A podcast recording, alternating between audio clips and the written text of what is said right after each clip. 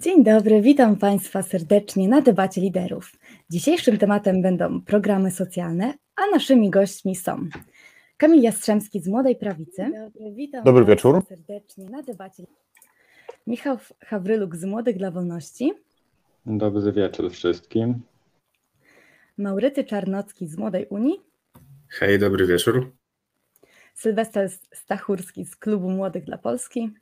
Dobry wieczór, witam serdecznie. Oraz Wacław Jan Kroczek z Federacji Młodych Socjaldemokratów. Dobry wieczór, witam wszystkie słuchaczki, słuchaczy, prowadzącą i współdebatantów. Dziękuję. E, szybko przypomnę zasady debaty. Mamy trzy pytania oraz jedną wypowiedź wolną. Każdy z uczestników ma dwie minuty na swoją wypowiedź oraz prawo do jednego adwocem na pytanie. W takim razie przechodzimy do pytań. Jak wiemy, już program 500 Plus działa już jakiś czas u nas. Możemy spokojnie stwierdzić jego wady oraz zalety. Stąd moje pytanie, pierwsze, jako pierwsza nie odpowie Kamil Jastrzębski z Młodej Prawicy, a pytanie brzmi, czy uważacie program 500 Plus za opłacalny? Dziękuję za to pytanie. Przede wszystkim sam temat i dotyczący świadczeń socjalnych, dotyczący tego konkretnego, czyli 500 plus jest bardzo zbudowany. E, powiem w ten sposób. Kiedy wprowadzono program 500 plus, e, to ja byłem dosyć e, nieprzekonany, czy nie miałem takiego jednoznacznego stanowiska na temat tego, czy warto, czy nie. Po tych sześciu latach powiem tak, gdybym był posłem sześć lat temu, pewnie bym się wstrzymał przy, przy głosowaniu. Natomiast gdybym był posłem w tym momencie, E, to bałbym się zagłosować e, za jego e, zlikwidowaniem. Dlaczego? Po pierwsze, mimo wszystkich wad, jakie ten program posiada, a posiada na pewno, jednak są rodziny, czy są takie osoby w konkretnych sytuacjach życiowych, którym ten program pomógł. Też takie bagatelizowanie tego właśnie problemu, że 500 plus wzięła tylko ta w cudzysłowie patologia, która prawda, przepiła całe pieniądze, jest moim zdaniem dużym takim e, intelektualnym nadużyciem, którego dopuszczają się niektóre takie bardzo już e, skrajne, jednoznaczne środowiska. E, jednak z drugiej strony należy zwrócić uwagę na fakt, że program jest aż za prosty, w tym sensie, że te środki trafiają tak naprawdę do kieszeni. E, I oczywiście, jeżeli komuś na przykład te środki nie są potrzebne, bądź po prostu jemu te 500 plus e, nie jest e, konieczne do tego, aby przeżyć, no to należy sobie zadać takie pytanie i pod kątem moralnym, i pod kątem technicznym, czy aby na pewno powinien być tak samo traktowany przez ten system świadczeń socjalnych, jak osoba będąca w rzeczywistej potrzebie życiowej. To jest bardzo trudne. Koszt tego programu, jak się okazuje po 6 latach, jest niewspółmierny, y, albo inaczej efekty są niewystarczające w stosunku do kosztu, ponieważ y, wzrost dzietności, który miał nastąpić, dosłownie drgnął tam chyba jakieś dziesiąte czy nawet setne części procenta, więc nie jest to wzrost zauważalny na tyle, aby opłacało się pompować w niego kilkanaście czy nawet kilkadziesiąt miliardów złotych rocznie. Natomiast pytanie jest takie, czy ten program należy rozpatrywać tylko pod kątem demograficznym, bo jeżeli rozpatrujemy go tylko pod kątem demograficznym, to on jest nieopłacalny ale jeżeli rozpatrujemy go pod kątem e, ogólnie życiowym i pod kątem e, polepszenia sytuacji materialnej poszczególnych konkretnych rodzin, to jest opłacalny, czy byłby opłacalny, gdyby go skonkretyzowano.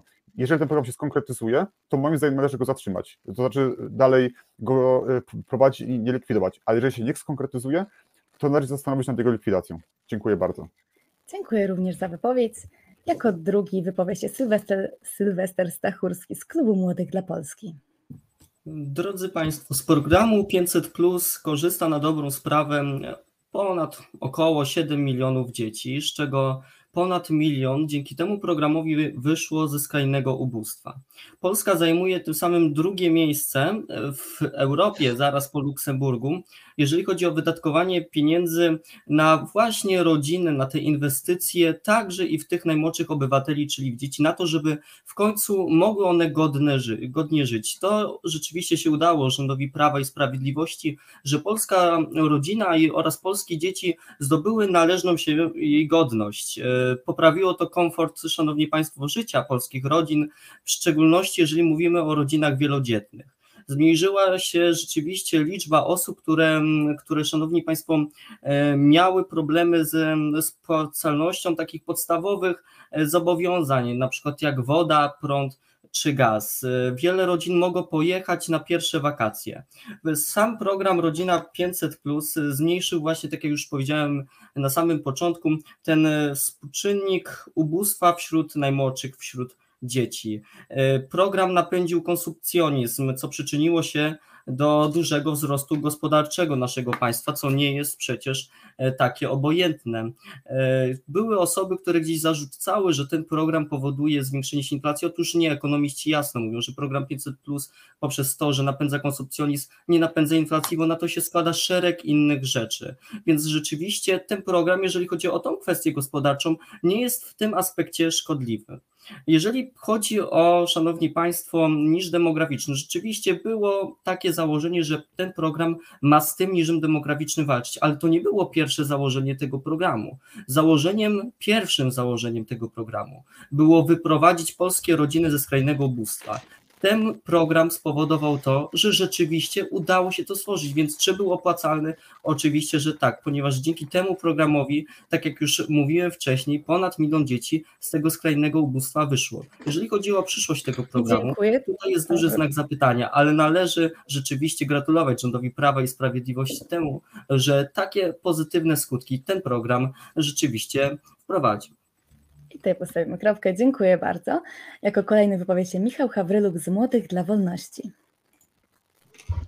E, Ten program oczywiście miał być e, programem, który oprócz tego, że wyprowadziłby część polskich rodzin z biedy, również załagodziłby kryzys demograficzny. Niestety e, tego kryzysu nie udało się go załagodzić. Oczywiście niektóre rodziny mogły sobie pozwolić na większe wydatki dzięki temu programowi, ale równie dobrze mogłyby sobie na takie wydatki pozwolić, gdyby po prostu e, na przykład można byłoby odliczyć od tego ujemny podatek, tak jak w Izraelu, a nie y, obciążać biurokrację dodatkowymi urzędnikami, którzy by po prostu taki y, zasiłek by rozdawali. Więc y, uważam, że ten program y, należy zlikwidować i jeśli byłaby faktycznie taka potrzeba, żeby jeszcze wspierać te rodziny, można byłoby wprowadzić ewentualnie y, coś w stylu właśnie y, podatku ujemnego. Dziękuję. Dziękuję również. Teraz o wypowiedź proszę Wacława Jana Kroczka z Federacji Młodych Socjaldemokratów. Słyszeliśmy dosyć skrajne opinie na temat programu 500.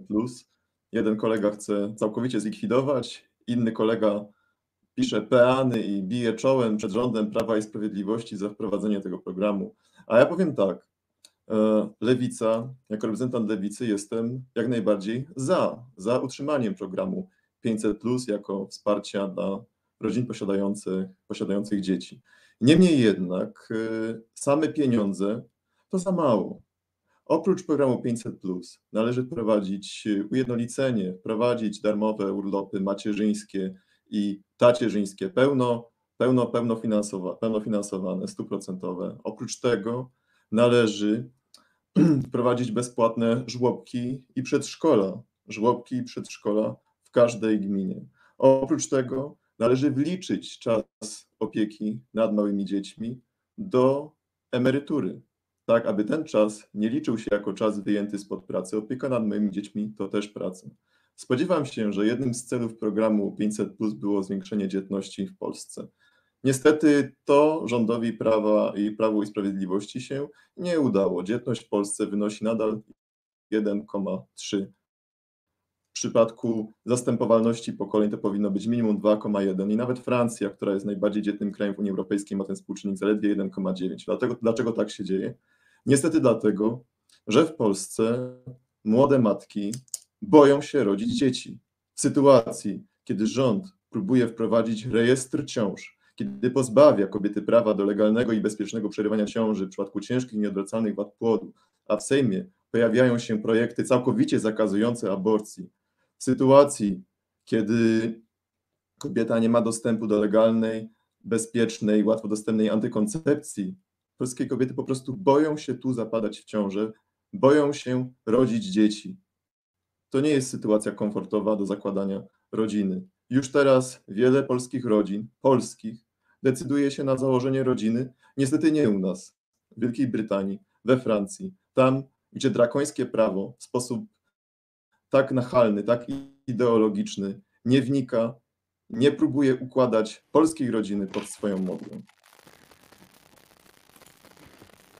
Dobrze, dziękuję. I teraz y, adwocem zgłosił Sylwester Stachurski z Klubu Młodych dla Polski. Proszę bardzo. Niestety, szanowni państwo, prawdą nie jest to, co powiedział reprezentant lewicy. Otóż dlaczego? Dlatego, że jeżeli będziemy e, wychodzić z jego założenia, że kobiety w Polsce boją się rodzić dzieci, to zapytam się także kolegi, dlaczego w państwach na przykład skandynawskich czy w innych państwach europejskich, gdzie prawo aborcyjne jest bardziej e, liberalne, ten współczynnik dzietności wcale nie jest aż tak drastycznie większy od tego polskiego, a także w wielu przypadkach jest o wiele mniejsze.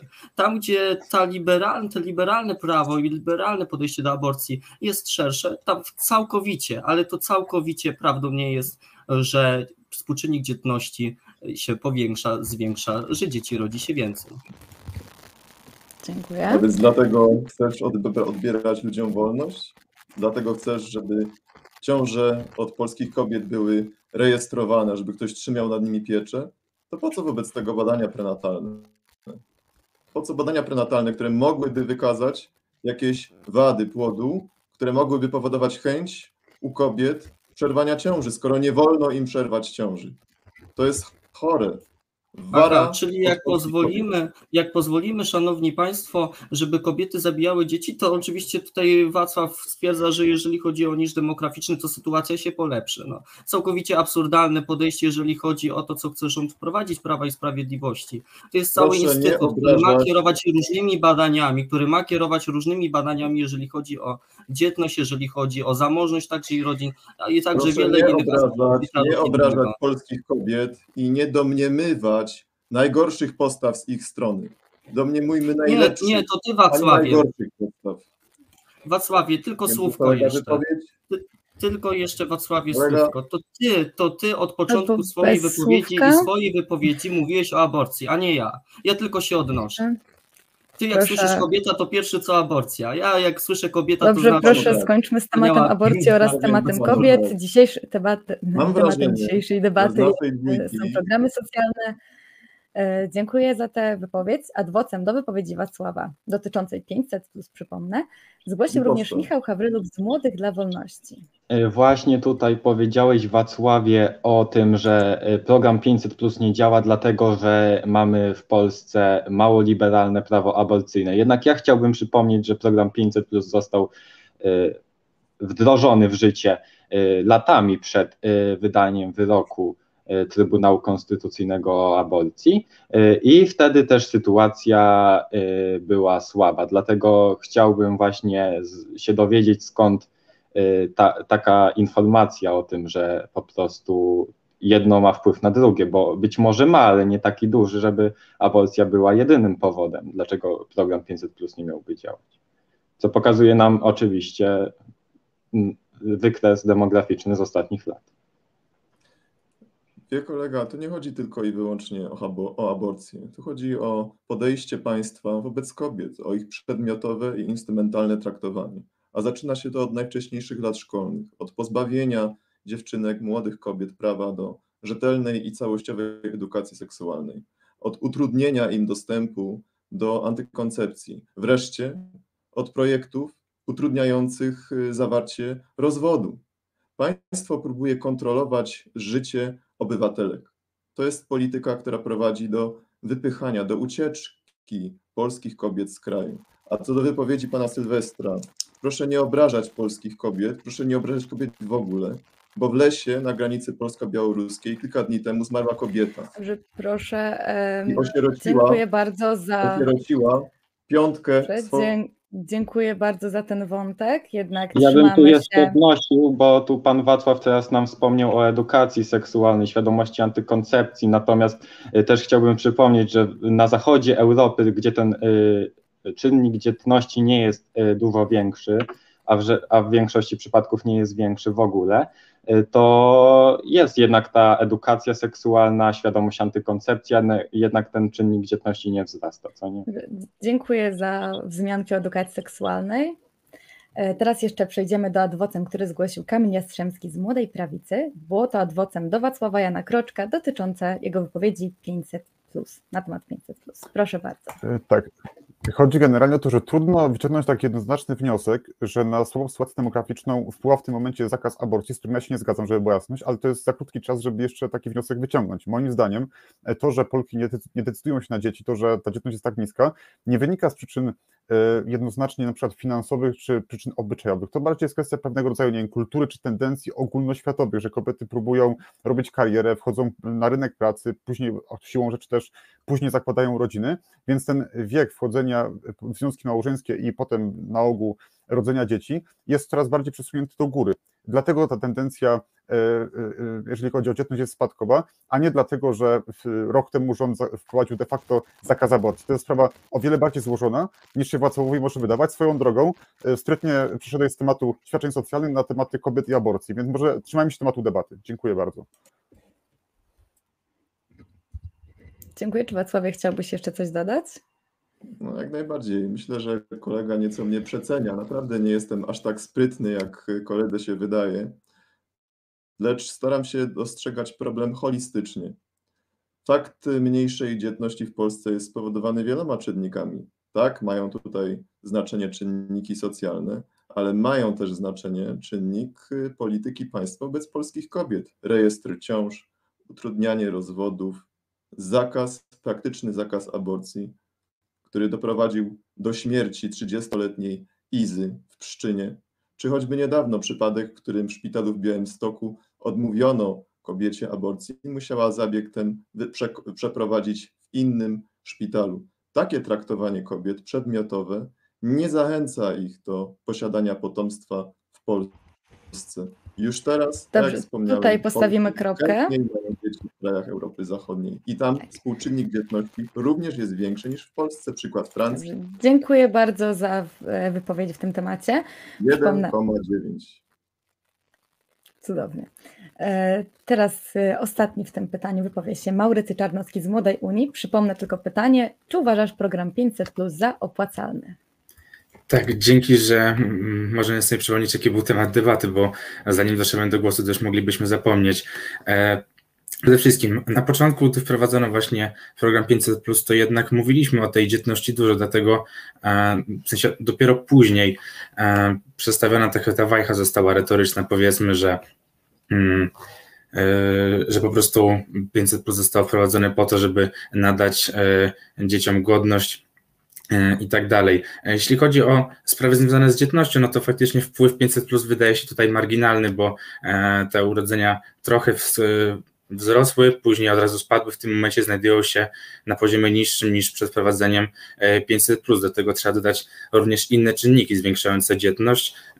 Nie mam tutaj na myśli światopoglądowych, raczej właśnie tak, mm, nie wiem, nowelizację kodeksu pracy wydłużającą urlopy rodzicielskie, karty dużej rodziny czy tym podobne rozwiązania też jakieś e, przełożenie mogą oczywiście mieć.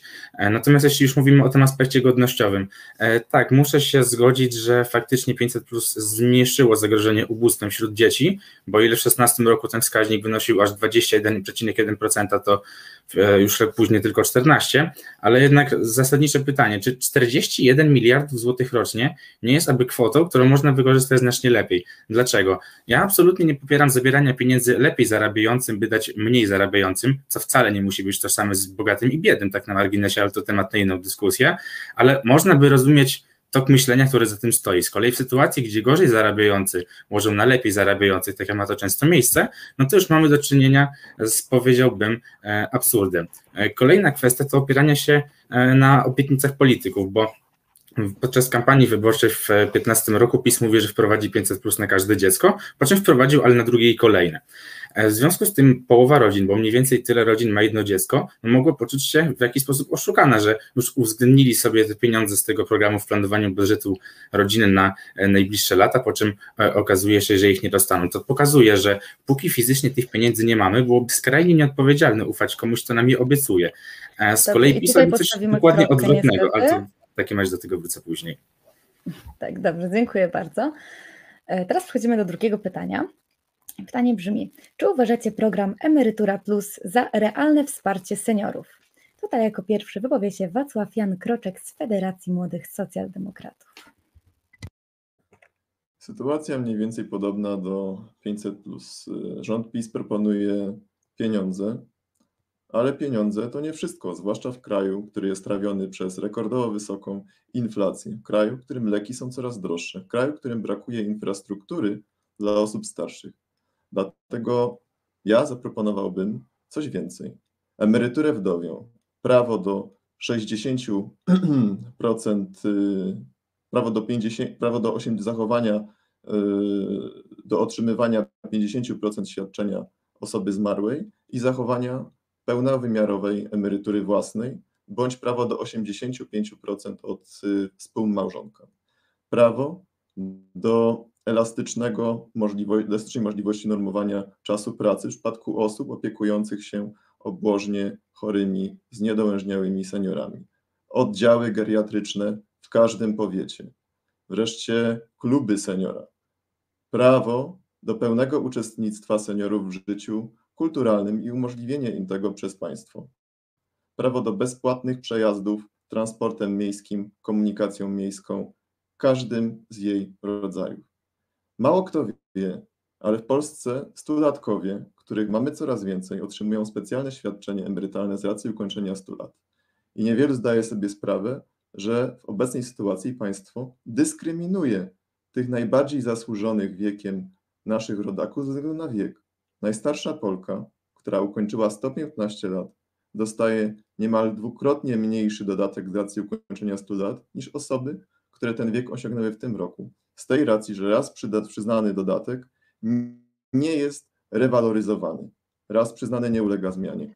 Państwo musi wprowadzić takie prawo, które nie będzie dyskryminowało ze względu na wiek, pamiętając również, że częstokroć osobami bardzo, bardzo sędziwymi zajmują się osoby, które same już osiągnęły wiek senioralny powyżej 65 roku życia. I dziękuję bardzo za wypowiedź. Jako kolejny wypowie się Maurycy Czarnocki z Młodej Unii. No, ciężko byłoby polemizować z tym, że emerytury w Polsce są oczywiście tragicznie niskie i wiele osób stoi przed wyborem e, jedzenie czy leki. E, zawiodę być może z solidarystów z tak z prawej i lewej strony, ale jako liberałowie nie czerpiemy przyjemności z tego, że ktoś nie ma środków do życia. E, natomiast jeśli chodzi o 13 czy tam 14 emeryturę, to mimo wszystko uważam, że o dobrobyt, o dobrobyt przepraszam, emerytów należy zadbać nieco inaczej, ponieważ owszem, w tym momencie 13 emerytura gwarantuje tam prawie 900 zł na czysto do ręki. Tylko zastanówmy się teraz, ile im, e, to znaczy seniorom, zostanie e, z tego, gdy będą musieli mierzyć się z inflacją, gdy w górę pójdą ceny jedzenia, ceny energii, czynsze do spółdzielni mieszkaniowych, czy chociażby opłaty za wywóz śmieci, w których naliczenie jest na przykład o tyle nietrafione, że teraz stawka będzie zależeć od metra kwadratowego. Tylko, że śmieci produkują ludzie, a nie metraż mieszkania, dlatego niedorzeczna będzie chyba sytuacja, w której samotna 70-latka, która ledwo wiąże koniec końcem, ale mieszka w dajmy na to, nie wiem, 60-metrowym mieszkaniu, ma płacić więcej za wywóz śmieci niż trzy osoby mieszkające na metrach 45.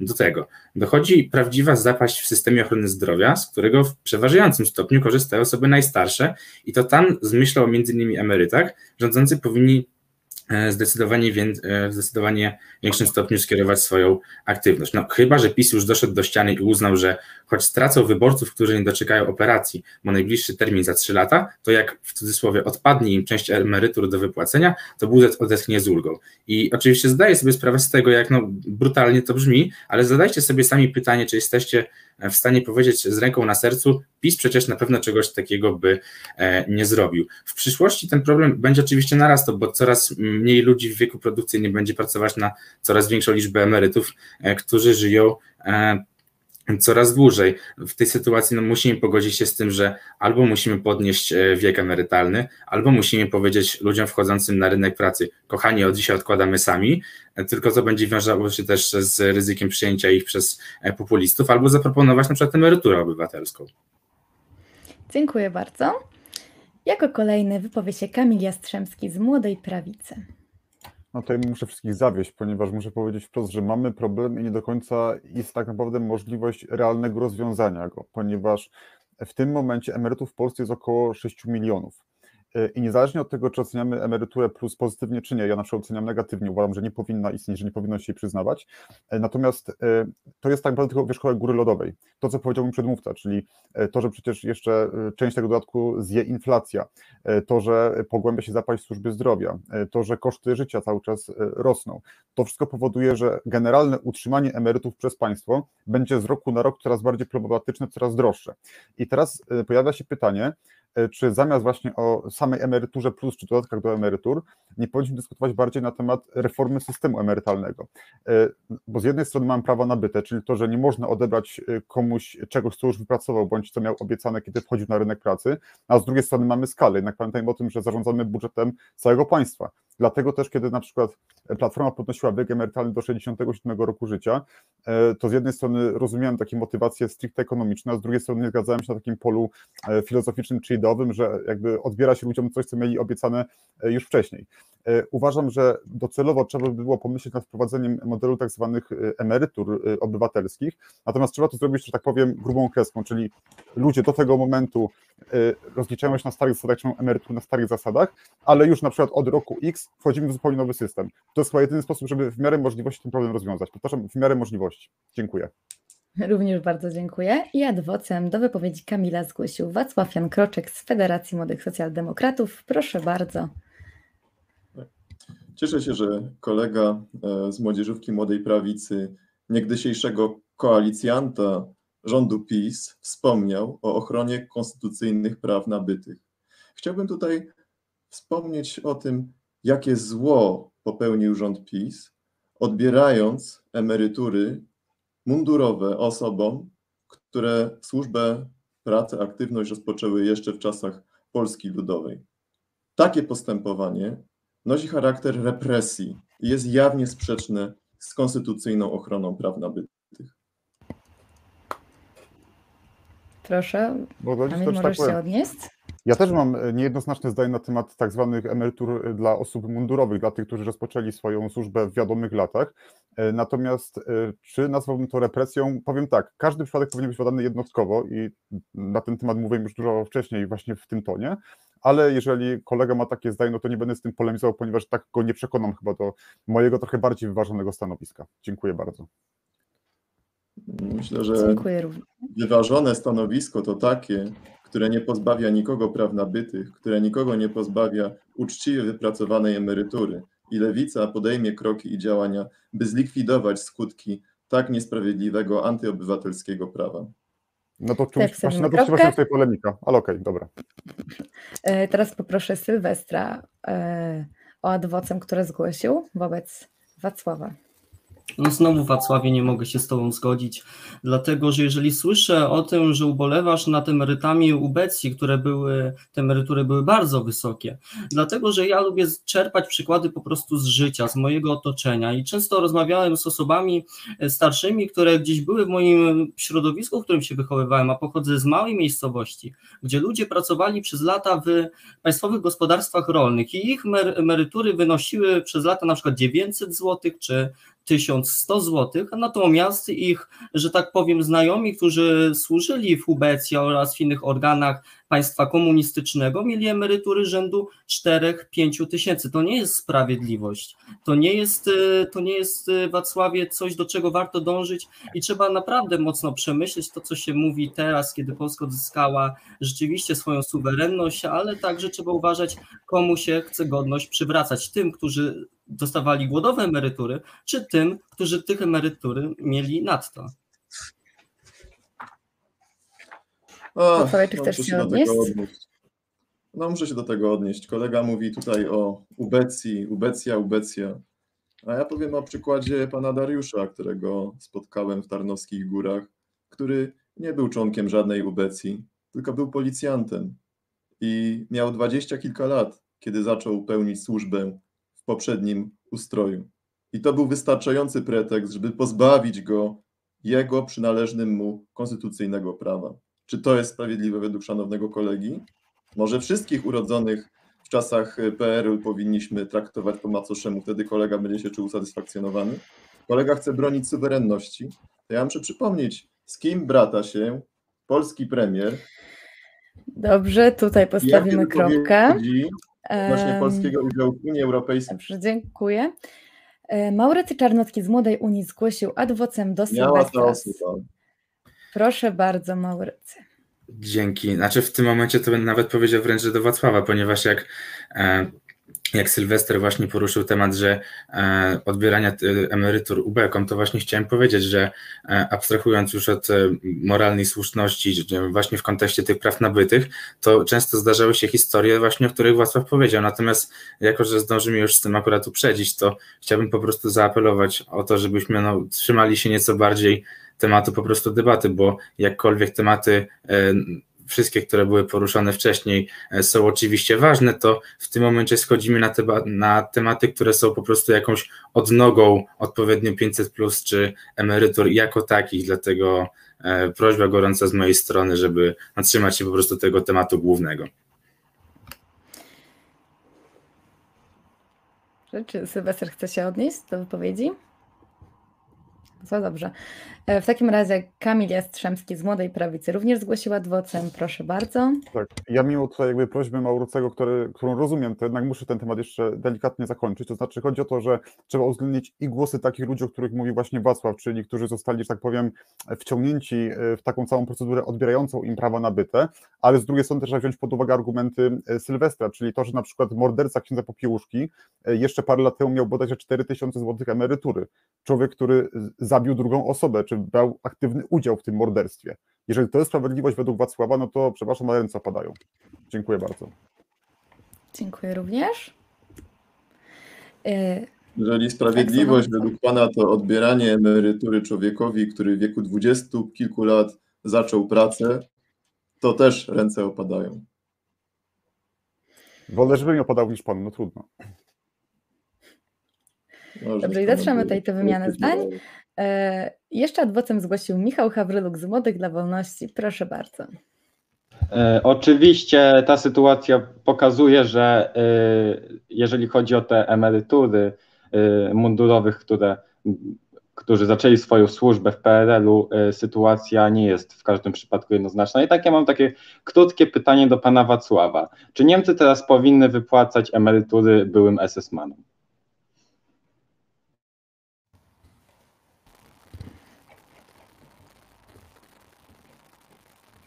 To jest mój czas na odpowiedź, tak? E, tak, proszę, jeśli, jeśli chcesz odpowiedzieć, nie musisz. to jest element polityki niemieckiej i ja w tej chwili, w tej sytuacji nie mam zdania, nie jestem przygotowany do debaty w tematyce niemieckich, jestem przygotowany do debaty w tematykach polskich, do debaty w tematach polskich. Nie przenośmy się na inne pole. Nie chcemy, aby Niemcy ingerowały w naszą politykę, więc my też nie ingerujmy w ich politykę. Pozostawmy to ich wyborom, w ich sumieniu. Dobrze, dziękuję bardzo. I w ten sposób przechodzimy do kolejnej osoby z pytaniem. A przypomnę pytanie. Czy uważasz, że program Emerytura Plus jest realnym wsparciem seniorów? Proszę bardzo, Michał Hawryluk, Młodzi dla Wolności. Uważam, że oczywiście emerytury w Polsce nie są y, najwyższe i ten program faktycznie jest realnym wsparciem. Jednak oczywiście sądzę, że po prostu y, ten y, lepszym, lepszym rozwiązaniem byłoby, szczególnie w czasach takiej drożyzny, obniżyć VAT na, podstawowe, na podstawowe produkty, takie jak żywność, picie, nawet paliwo, co nie? Przecież to jest teraz tak bardzo drogie. Oczywiście y, chciałbym jeszcze zmienić gruntownie system emerytalny oparty na samodzielne odkładanie na emeryturę, samodzielne zamartwianie się emeryturą, y, budowanie na tym swojej też również odpowiedzialności, y, ale w obecnym systemie faktycznie ta 13 emerytura ratuje trochę emerytów, chociaż obniżenie podatków byłoby o wiele lepszym pomysłem. Dziękuję bardzo za wypowiedź i jako ostatni na te pytanie odpowie Sylwester Stachurski z Klubu Młodych dla Polski. Tak jak powiedziałem już wcześniej podczas adwocen, y, pochodzę, y, czy wywodzę się wśród, wśród ludzi, którzy y, byli związani właśnie za czasów PRL-u z rolnictwami państwowymi, czyli powszechnymi pegierami, czy też po prostu byli zwykłymi robotnikami.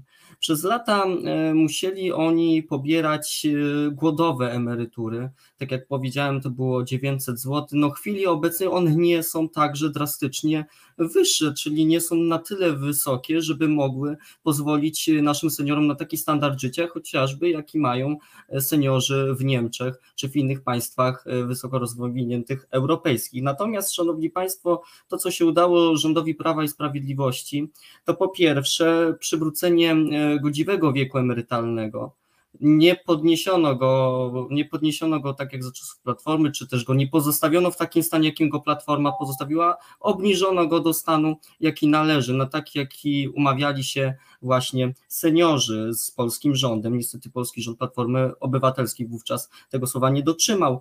Szanowni Państwo, jest tak, że właśnie emerytura plus, czyli też ta potrzebna trzynastka, czternastka, to świadczenie rzeczywiście jest dobre, bo tak jak mówię, ludzie, z którymi się gdzieś tam spotykam, rozmawiam z naszymi drogimi seniorami, dla nich to jest bardzo dużo. Naprawdę dostanie takiej kwoty w postaci tysiąca złotych, czy nawet trochę więcej, powoduje, że oni mogą w końcu myśleć o takich dodatkowych rzeczach, na które normalnie by ich stać po prostu nie było, czy chociażby to, że mogą wziąć swojego wnuczka i pojechać gdzieś na wspólny weekend. To jest bardzo świetna sprawa i tak jak tutaj wszyscy się zgodzimy, to rzeczywiście się udało i jest to bardzo przydatne. Co więcej, Polski Ład wprowadzi kolejne rozwiązania dla naszych seniorów, bo my naszych seniorów nie zostawimy, a poprzez chociażby emeryturę bez podatku i darmowe kontynuacje programu darmowych leków będziemy wspierać seniorów i to rzeczywiście e, trzeba rządowi przyznać, że rzeczywiście słowa dotrzymuje. I tym miłym akcentem zakończymy blok pytania na temat emerytury. I teraz zajmiemy się tematem programu Dobry Start, czyli programem wspierającym uczniów rozpoczynających rok szkolny. Czy uważacie je za dobre rozwiązanie, czy może jednak coś zbędnego? I teraz, oj, przepraszam bardzo, adwocem zgłosił Wacław z, zamiast odpowiedź Sylwestra, przepraszam. Proszę bardzo, Wacław. No i po raz kolejny no, bijemy czołem przed, y, przed państwem PiS za to, że daje emerytom pieniądze, by było ich stać na rzeczy, na które powinno byłoby ich stać zawsze. Jeżeli mowa o lekach, to jest to rzecz absolutnie podstawowa i na to każdego emeryta i każdą emerytkę w Polsce powinno stać z ich własnych, uczciwie wypracowanych pieniędzy, a nie z prezentów socjalnych od rządu, za które rząd wymaga wdzięczności. Nie. Ludzie emeryci, emeryci, emerytki nie muszą być wdzięczni rządowi za to, że dostają marne frukty, tylko powinni być dumni ze swojej pracy, ze swoich dekad pracy. A państwo powinno prowadzić taką politykę, by te emerytury dla nich były zapewnione. A więc sprzyjanie umów pracy, umów o pracę, które prowadzą do zabezpieczenia systemu emerytalnego tak, by był on wypłacalny. A także tym zatrudnionym na umowach cywilnoprawnych wliczenie stażu pracy na tak zwanych śmieciówkach do pełnego okresu zatrudnienia, tak by na pewno należną im emeryturę otrzymali i wszystkie inne ulgi, o których wspomniałem. Dobrze. E, dziękuję za adwocem. Sylwester, czy chcesz się odnieść? Oczywiście, że tak. Tak, nasi seniorzy powinni być z tego dumni i są z tego dumni i przede wszystkim ja w imieniu młodego pokolenia pragnę także naszym drogim seniorom podziękować za to, że naszą Rzeczypospolitą odbudowywali jako państwo wolne i suwerenne właśnie po tym, jak wyszliśmy z komunizmu i też to wyjście z komunizmu zawdzięczamy. Ale Wacławie, o czym my mówimy?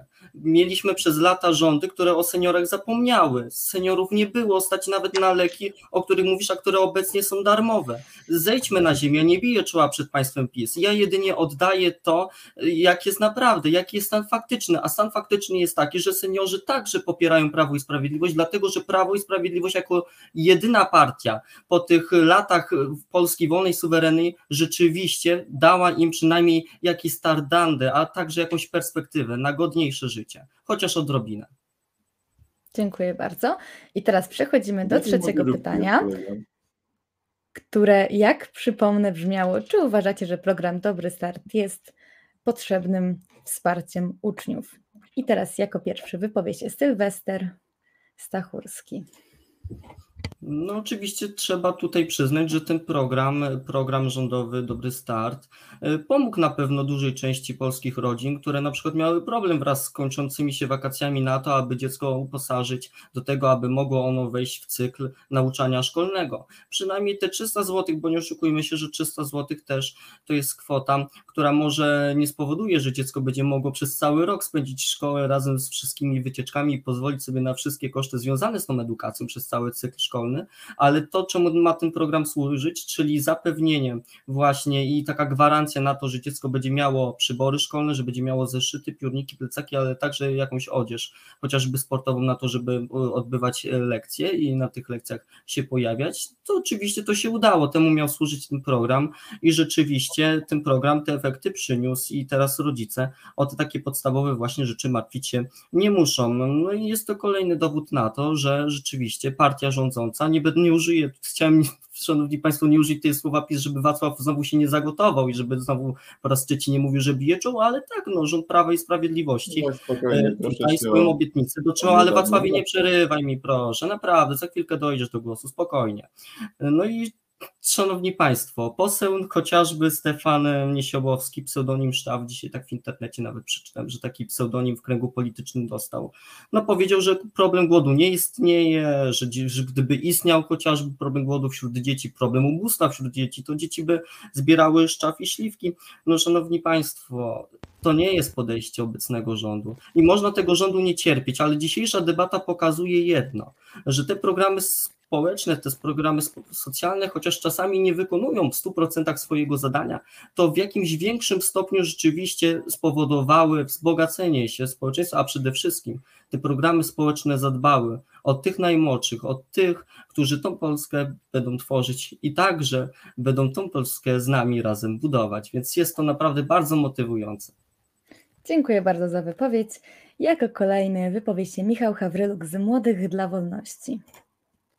E, tak, oczywiście nie mógłbym powiedzieć, że edukacja w Polsce jest w 100% darmowa, gdyż jednak y, są inne koszty, na przykład zeszytów, które niestety trzeba pokryć już z własnej kieszeni. Jednak ja bym ten program zastosował w innej formie. Ja bym zastosował to w formie dofinansowań do szkół, które by mogły kupić takie na przykład zeszyty i po prostu rozdać się uczniom, albo po prostu y, w bonach na dane produkty, gdy, gdyż tak po prostu nie mamy E, gwarancji, że te 300 zł e, będzie po prostu wydane e, na wydatki szkolne, a po prostu może być w każdy inny sposób wydane. Więc myślę, że moja wersja programu byłaby o wiele lepsza oraz o wiele sprawiedliwsza. Dziękuję.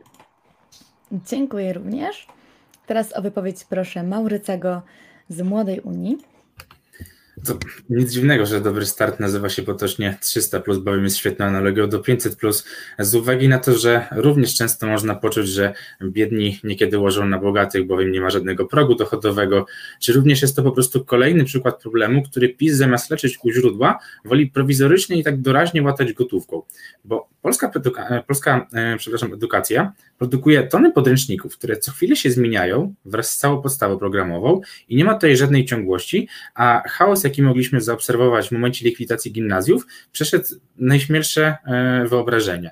Natomiast na gruncie stricte finansowym to się odbija w ten sposób, że tak jak e, kilka lat młodsze rodzeństwo mogło sobie spokojnie przyjąć podręczniki po starszym bracie czy siostrze, tak teraz jest to często niemożliwe, a rodzice muszą się szykować na kolejny wydatek. Jest on zdecydowanie większy niż 300 zł oferowane przez PiS. No, szczerze mówiąc, bodajże od gimnazjum sam kompletowałem swoją wyprawkę, tak pod kątem organizacyjnym oczywiście, i nie przypominam sobie, żeby kiedyś udało mi się e, zamknąć się w 300 zł. Do tego dochodzi też szereg mniejszych przepisów, jak ten, zgodnie z którym nauczyciel musi podać szkole podręcznik, według którego będzie prowadził prowadził zajęcia, nawet jeśli i tak wie, że nie będzie potem z niego korzystał. Wtedy wyprawione zawczasu dzieciaki zostają z kompletnie zbędnym podręcznikiem i portfelem szczuplejszym o kilkadziesiąt złotych, no zapytałbym tylko po co. E, można oczywiście przeprowadzić e, reformę, aby na przykład dzieci uczyły się z laptopów czy tabletów, buki będą tańsze niż książki papierowe. Nie będzie też tego problemu, e, który mnie chociażby kiedyś spotkał, że wydawnictwo nie zdążyło dodrukować wystarczającej liczby egzemplarzy przed 1 września i dzieciaki musiały zgłaszać nieprzygotowanie, obniżać sobie ocenę.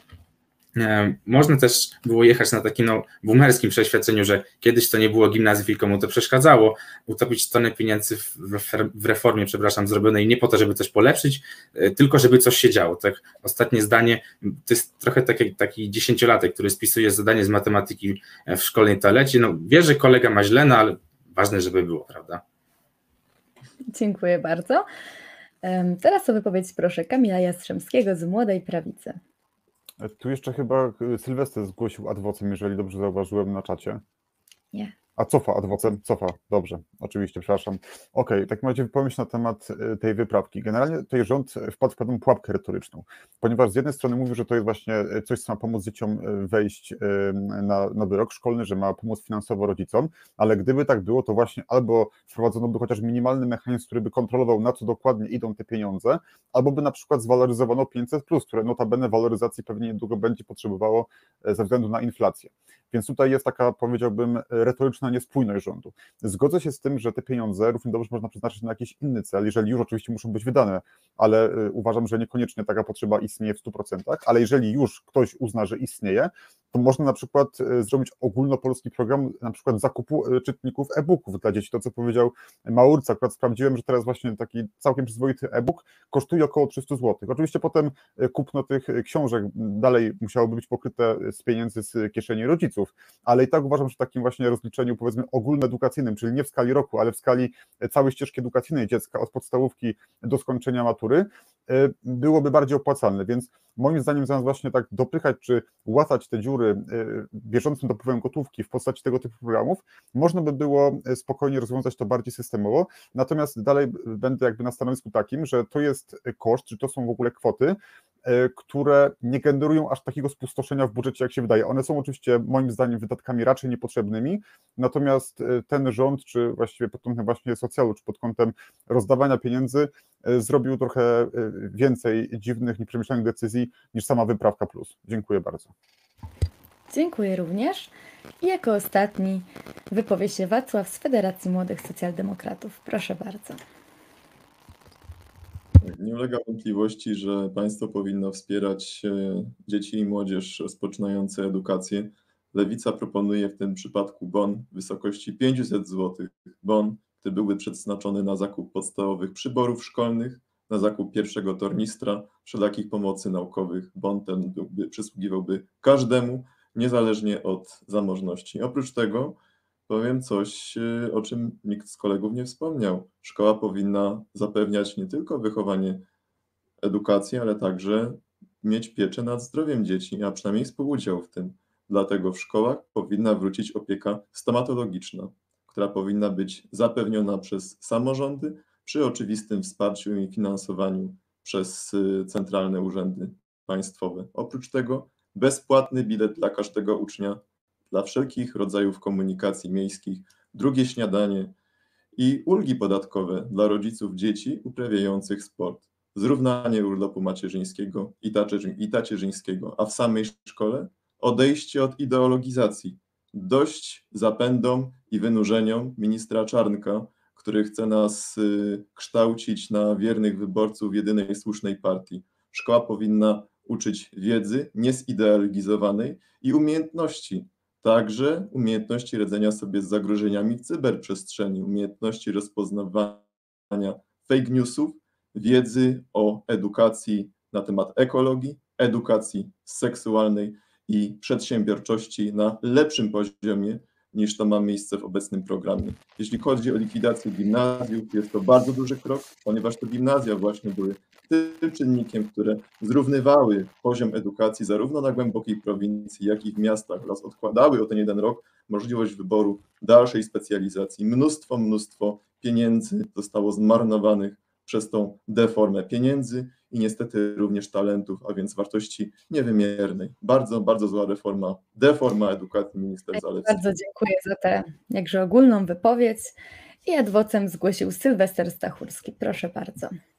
Ja pozwolę sobie jeszcze, Szanowni Państwo, powrócić do wcześniejszego zagadnienia, które poryczy, po, właśnie poruszył Wacław, dlatego że Wacław skierował e, takie nawet i oskarżenie, oskarżenie bardzo poważne w kierunku czy to konkretnej partii, czy też osób, ja proszę Cię, Wacław, następnym razem, jeśli będziesz nieprzygotowany do debaty, to nie bierz w niej udziału, ale w każdym bądź razie tak, że to przede wszystkim nie wykorzystuj e, do tego, do jakichś swoich politycznych celów czy swojego grupowania śmierci kobiety kobiety, która umarła niestety tragicznie i nieszczęśliwie, także pozostawiając i uśmiercając dziecko. Szanowni Państwo, zacytuję, jestem daleko od sformułowania, że śmierć tej pacjentki to prosta konsekwencja wyroku Trybunału Konstytucyjnego. To jest fragment oświadczenia pani mecenas Jolanty Budzowskiej, pełnomocnika rodziny zmarłej kobiety, o której Wacław wspominał. Wacławie, naprawdę nie grajmy śmiercią, nie grajmy takimi tragicznymi sytuacjami. Gdybyśmy mieli tutaj licytować się, jeżeli byśmy mieli za każdym razem wychodzić na ulicę, bo zmarła kobieta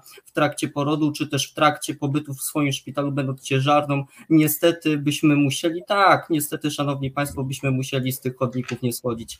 Tak, takich przypadków Dobrze. jest niestety. Dziękuję bardzo za adwocem. Dziękuję za adwocem. E, Wacław, czy chcesz się jakoś odnieść słowami? Nie wiem, do czego tu się odnosić. Yy, Słowa kolegi są absolutnie bulwersujące. Osoby, które piastują najważniejsze urzędy i funkcje w państwie, odpowiadają za wszelakie zło, do którego prowadzi ich zła polityka i złe mechanizmy, które uruchamiają. I tak, zmarła kobieta. Nic jej życia już nie przywróci. Należy zrobić wszystko, aby nigdy więcej do tego nie doszło. Ani jednej więcej, panie Sylwestrze. Ani jednej więcej. Tyle w temacie. No, jak widać, Wacław nie zrozumiał e, fragmentu wypowiedzi pani mecenas, pełnomocnika rodziny zmarłej. No niestety Wacław tego prawdopodobnie już nie zrozumie, bo jest zacietrzewiony w politykę, ale dziękuję bardzo, szanowni państwo. E, Kamil Jastrzębski zgłosił adwocem, więc proszę bardzo.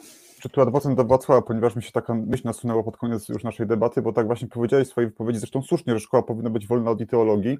No niestety zauważyłem, że w trakcie naszej debaty to ty najczęściej jakby skręcasz w ideologii, znaczy mówimy na przykład o demografii, ty mówisz o aborcji. Mówimy o emeryturach, ty znowu wyskakujesz z jakimiś tematami właśnie okołobyczajowymi, więc taka tylko uwaga, że jeżeli już się powiedzmy deklaruje jedno, jak się mówi A, to trzeba też powiedzieć B, a przede wszystkim robić, a nie tylko deklarować. Dziękuję bardzo. Dziękuję również. Oczywiście odniosę się do tego. Myślę, że to nie ja, lecz rząd skręcił w ideologię w sposób absolutnie nieuzasadniony. Był kompromis. Kompromis, którego ja oczywiście fanem nie jestem i nigdy nie byłem.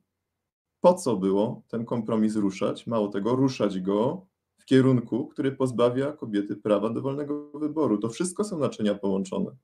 Jedno z drugiego wynika. W momencie, kiedy odbiera partia rządząca kobietom prawo do bezpiecznego i legalnego przerywania ciąży, niesie to za sobą poważne, poważne konsekwencje, nie tylko w postaci odizolowania naszego kraju na arenie międzynarodowej, ale przede wszystkim konsekwencje społeczne, także te polegające na niskiej dzietności, zmuszające kobiety do dokonywania częstokroć koniecznych zabogów aborcji w podziemie aborcyjnym. Zdaje mi się. Dobrze, ja dziękuję. dokończę Zakończymy tutaj ten temat. Bardzo ważna, którą muszę dokończyć. Mam wrażenie, że Ostatnie z nas zdanie. wszystkich tu zebranych największym przeciwnikiem aborcji jestem ja. Dlaczego?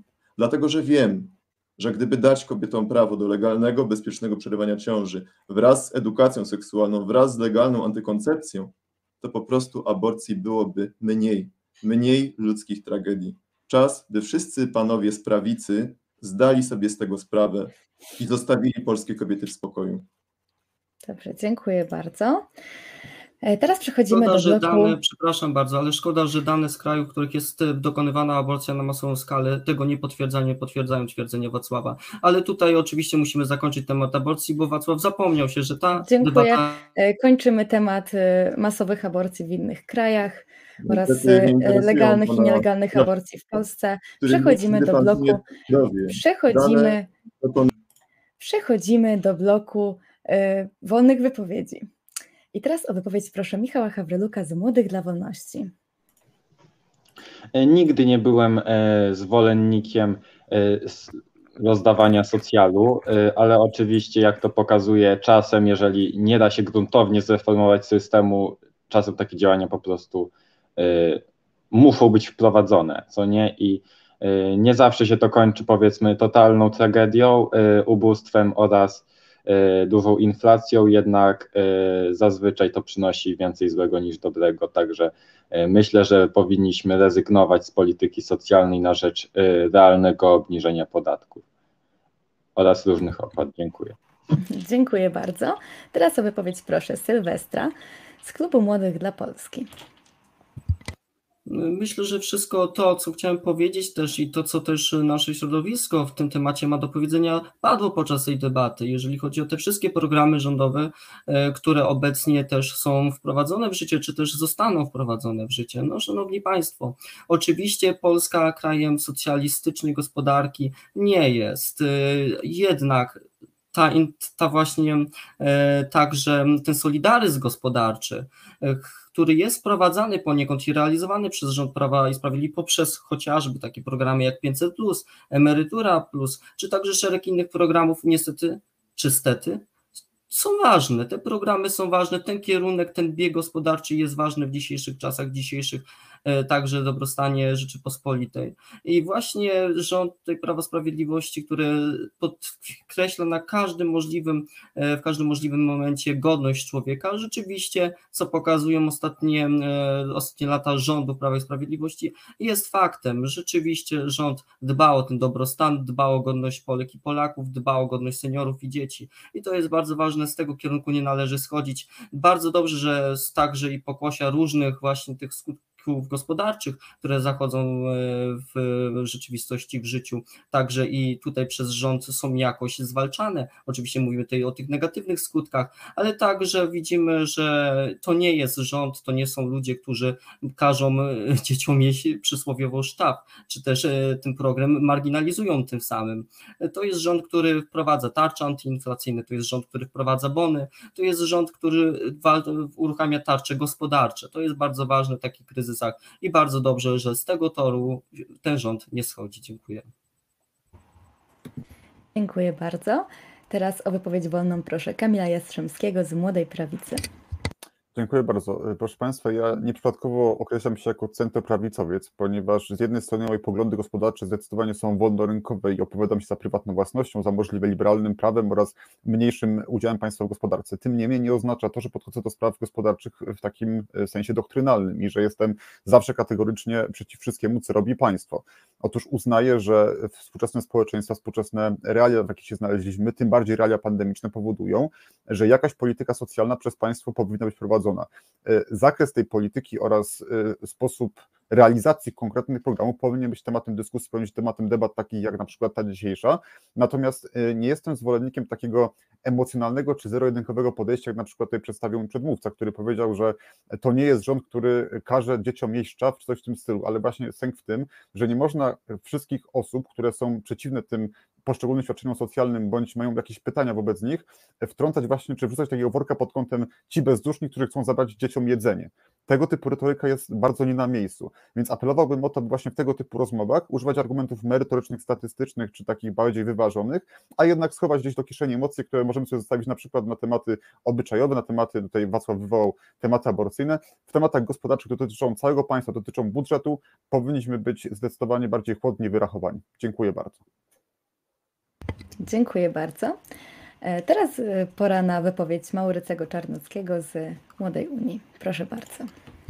Otóż tak, e, nawiązując jeszcze do tego tematu 500, który miałem okazję rozwinąć wcześniej, mianowicie, tak jak nie popieram rozdawania właśnie pieniędzy na zasadzie, że gorzej, inaczej, wykreślamy to wszystko, przepraszam najmocniej. E, temat, do którego chciałem nawiązać brzmi, 500 e, plus powoduje, że e, opieramy się na obietnicach polityków, że PiS mówi damy na pierwsze dziecko, po czym daje 500 plus i okazuje się, że daje dopiero od drugiego. Co nam to pokazuje? Że fizycznie, póki nie mamy tych pieniędzy, to byłoby nieodpowiedzialne ufać komuś to nam coś obiecuje. PiS wprowadzając właśnie, czy to będzie 500 plus mieszkanie plus, czy cokolwiek by to nie było, skłania ludzi ku czemuś zupełnie odwrotnemu. Mianowicie najpierw macie nam zaufać, zostać rodzicami, a dopiero później dostaniecie pieniądze, mieszkanie, czy cokolwiek by to nie było. Problem pojawia się wtedy, kiedy PiS znowu zrobi coś źle, bo PiSowi nie można zarzucić tego, że czegoś nie robi, tylko że robi, ale źle. E, wtedy, gdy PiS coś właśnie zrobi źle, to e, mm, zostaje się po prostu z dużym problemem. To jest strasznie destrukcyjny tok myślenia, który uzależnia ludzi od państwa i tak oducza e, planowania czegokolwiek w dłuższej perspektywie jeśli mówimy o wszystkich tych programach, na, na, temat których miała debata się toczyć, nakłady w stosunku do efektów są absolutnie nieproporcjonalne i nieskuteczne. Za 41 miliardów złotych rocznie to moglibyśmy zmniejszyć PIT do tego stopnia, że płacić tylko budżetom e, samorządowych i nie płacić nic do budżetu centralnego. E, możemy e, na przykład zreformować też e, zapuszczone sektory publiczne, takie jak system ochrony zdrowia czy edukacji, i w dłuższej perspektywie zaprocentuje nam to o wiele lepiej niż doraźne po prostu dawanie gotówki do, no, do rąk po prostu wyborcom. Dlatego programy w obecnej formie, takie właśnie jak 500 plus 13 emerytura czy Dobry Start, powinniśmy po prostu wykreślić, a zaoszczędzone dzięki temu pieniądze po prostu spożytkować tak, żeby to było, żeby były lepiej wykorzystane, bo pisma e, jest bardzo dobry, e, ostatnie zdanie obiecuję, jest bardzo dobry w diagnozowaniu problemów, tylko źle, źle absolutnie do nich podchodzi. Albo właśnie łata je doraźnie, albo powoduje, że rozwiązanie jest jeszcze gorsze od zastanego wcześniej stanu. Dziękuję bardzo za wypowiedź. E, I jako ostatni na dzisiejszej debacie wypowie się Wacław Jan Kroczek z Federacji Młodych Socjaldemokratów. Proszę bardzo. Nie wiem, jakiej młodzieżówki kolega Sylwester jest członkiem, ale powinien natychmiast y, zaetykietkować się jako bardzo radykalna młodzieżówka PiS. Kolega mówi o solidaryzmie, że to jest solidaryzm, a to tak naprawdę jest socjalizm. Niech kolega nie boi się tego słowa solidaryzm, socjalizm. Polityka uprawiana przez PiS to twardy socjalizm. Ja, jako człowiek lewicy, nie jestem bynajmniej przeciwko solidarnej polityce społecznej. Ja jestem jej gorącym zwolennikiem, ale trzeba pamiętać, że polityka socjalna wykorzystuje pieniądze publiczne, a więc powinna być prowadzona z głową. Z głową i. Mm, i należną ostrożnością, tak, by publiczne środki były kierowane tam, gdzie naprawdę są potrzebne i sprzyjały rozwojowi państwa i budowie silnego społeczeństwa obywatelskiego. Niestety, ale dotowanie publicznymi pieniędzmi bez, y, bez należnej ostrożności, bez należnej refleksji powoduje,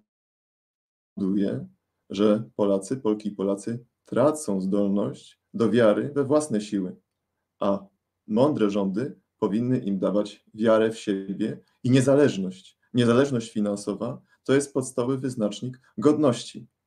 I nie sprzyja budowaniu godności państwo PiS, które daje Polkom, Polakom pieniądze tak od siebie. Nasza niezależność powinna wynikać z naszej uczciwej, sprawiedliwej, uczciwej pracy. Także nasze bezpieczeństwo finansowe i nasze zabezpieczenie emerytalne. A do prowadzącej uprzejmie upraszam, by nie wyłączała mi aż tak często mikrofonu. Zdarzyło się to a, chyba aż trzy razy w, w ciągu tego programu. Naprawdę nie jest to konieczne, Pani Doroto. Dziękuję. Obawiam się, że program. było e, Ja decyduję, co tu jest konieczne. Także dziękuję za uwagę, wezmę ją do serca. Proszę Ciebie jako e, uczestnika o nieprzedłużanie swoich wypowiedzi. A teraz ja już nie przedłużam i adwocem Sylwester Stachurski z Klubu Młodych dla Polski. Panie Wacławie, tak się nazywa ta młodzieżówka. Proszę bardzo. Właśnie miałem tutaj koledze Wacławowi przypomnieć, e, jaką organizację reprezentuje, bo jak widać nie tylko to zapomniał, ale także zapomniał, czym jest socjalizm, a czym solidaryzm gospodarczym, bo te dwie kwestie się od siebie diametralnie w e, rzeczywistym i realnym podejściu do gospodarki różnią? Otóż e, dlaczego, co w ogóle wyróżnia nas jako Stowarzyszenie dla Polski? Po pierwsze to, że nie jesteśmy partią, a po drugie to, że działamy blisko ludzi.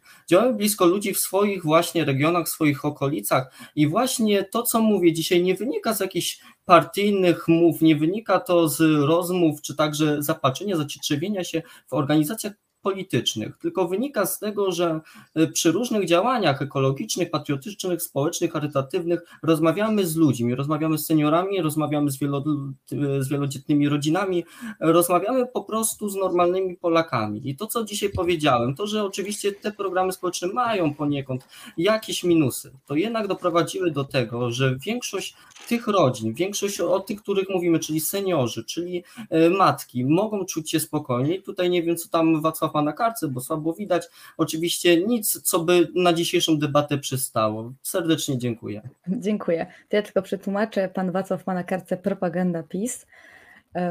Także tym akcentem powiedziałabym, że zakończymy tę debatę. Dziękuję bardzo Wam za bardzo aktywny udział w jednym pytaniu. Wykorzystaliście wszystkie adwocem. To była świetna dyskusja. Dziękuję oglądającym za tak liczną publiczność i zapraszam na nasze kolejne debaty.